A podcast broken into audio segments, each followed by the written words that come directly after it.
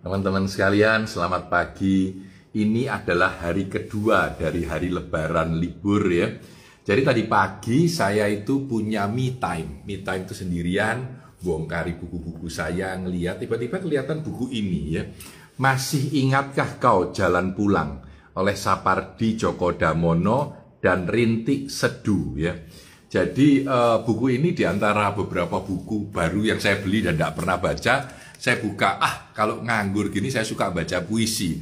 Lalu saya lihat, wah ini tulisannya Sapardi dan Rintik Seduh. Saya tidak tahu siapa Rintik Seduh itu, ya sudah. E, ketika itu saya beli 7-8 buku-buku berbahasa Indonesia ya.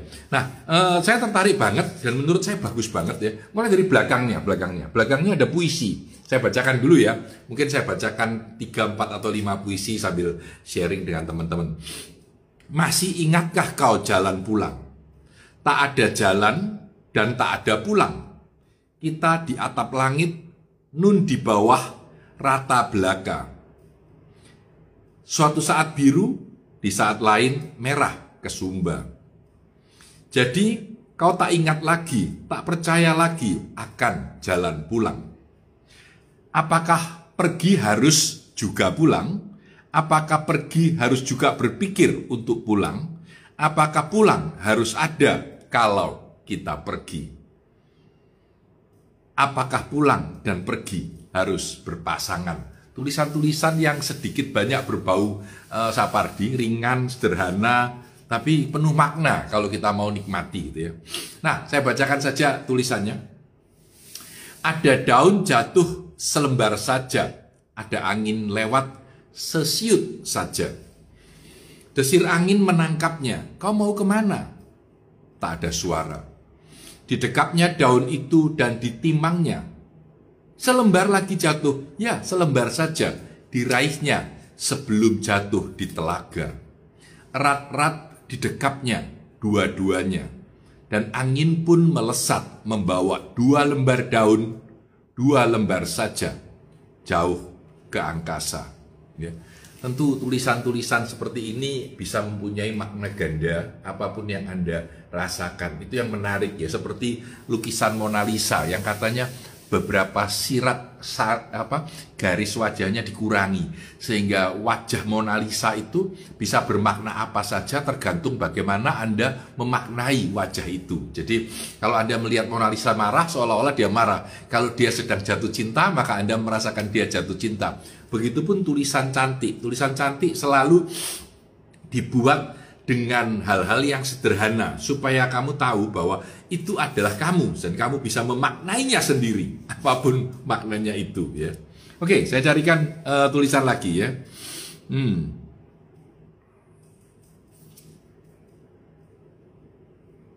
Malam ini kita mencari-cari ingatan yang menjadikan kita ada. Keren ya? Ingatan yang menjadikan kita ada. Malam ini ingatan menatap kita. Kalian ada di mana? Malam ini kita bertanya, apakah tanpa ingatan kita tidak ada? Kita tidak bisa ada. Eh, kita bisa ada. Malam ini kita bertanya, apakah tanpa ingatan kita bisa ada? Malam ini ingatan dan kita saling mencari sampai pagi tiba Mungkin karena saya yang sudah terlalu tua, jadi saya merasakan tulisan ini menjadi bermakna gitu, jadi bermakna ya. Nah, eh, saya ingin bacakan yang sedikit berbentuk prosa, jadi berbentuk prosa, jadi tulisan begini, tulisan pendek begini. Tapi menurut saya menarik ya, tetap menarik.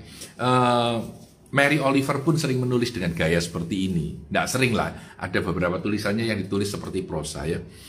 Pada suatu hari baik, kita tidak ada lagi, namun apa yang mereka kenal adalah kasih sayang tidak putus-putusnya menyeru. Kalian ada, kalian ada, kalian belum tidak ada.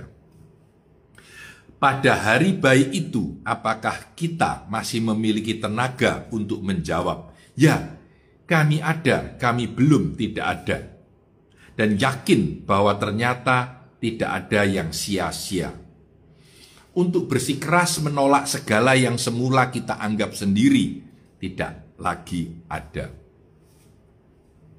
Kau adalah pancuran cahaya Dan kau tak lain serat tipis yang menembus dinding fana yang memisahkan kita. Dan ketika fajar tiba pada suatu hari baik itu, kau kembali menyusup di bawah reruntuhan kenangan, remah-remah ingatan yang pernah kita bayangkan sebagai satu-satunya milik kita. Sebagai satu-satunya milik kita. Ya, ya, sayangku, aku paham. Jangan ingatan. Ingatan adalah segala-galanya. Ternyata, bahkan ketika pada suatu hari baik nanti, kita tidak lagi berupa aroma dan warna. Sebagai ini, kau milikku dan aku milikmu. Begitu tulisannya panjang tanpa tanda koma petik dan lain-lain ya e, menarik menurut saya tetap terasa indah nyaman dan enak gitu ya, jadi mungkin karena saya suka puisi di antara waktu-waktu saya kalau lagi di e, toko buku di Amerika ataupun di Singapura ataupun di Jakarta kalau sudah bosan lihat buku bisnis biasanya saya lari ke dua buku satu puisi satu psikologi atau filosofi kehidupan ya Eh, kadang-kadang lari ke mana-mana, tapi sering sekali ke puisi. Lalu mah di sana ngeliatin mana yang bagus, pulang saya beli satu atau dua yang menarik ya.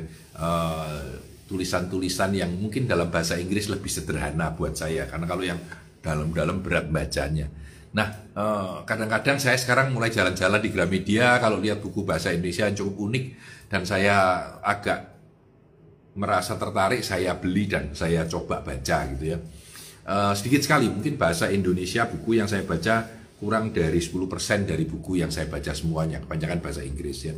Nah ini saya akan tutup dengan sebuah puisi yang menurut saya cukup unik ya walaupun tidak keras seperti puisi belingnya uh, Remisi Lado di tahun 80-an ya tapi cukup menarik dan lucu.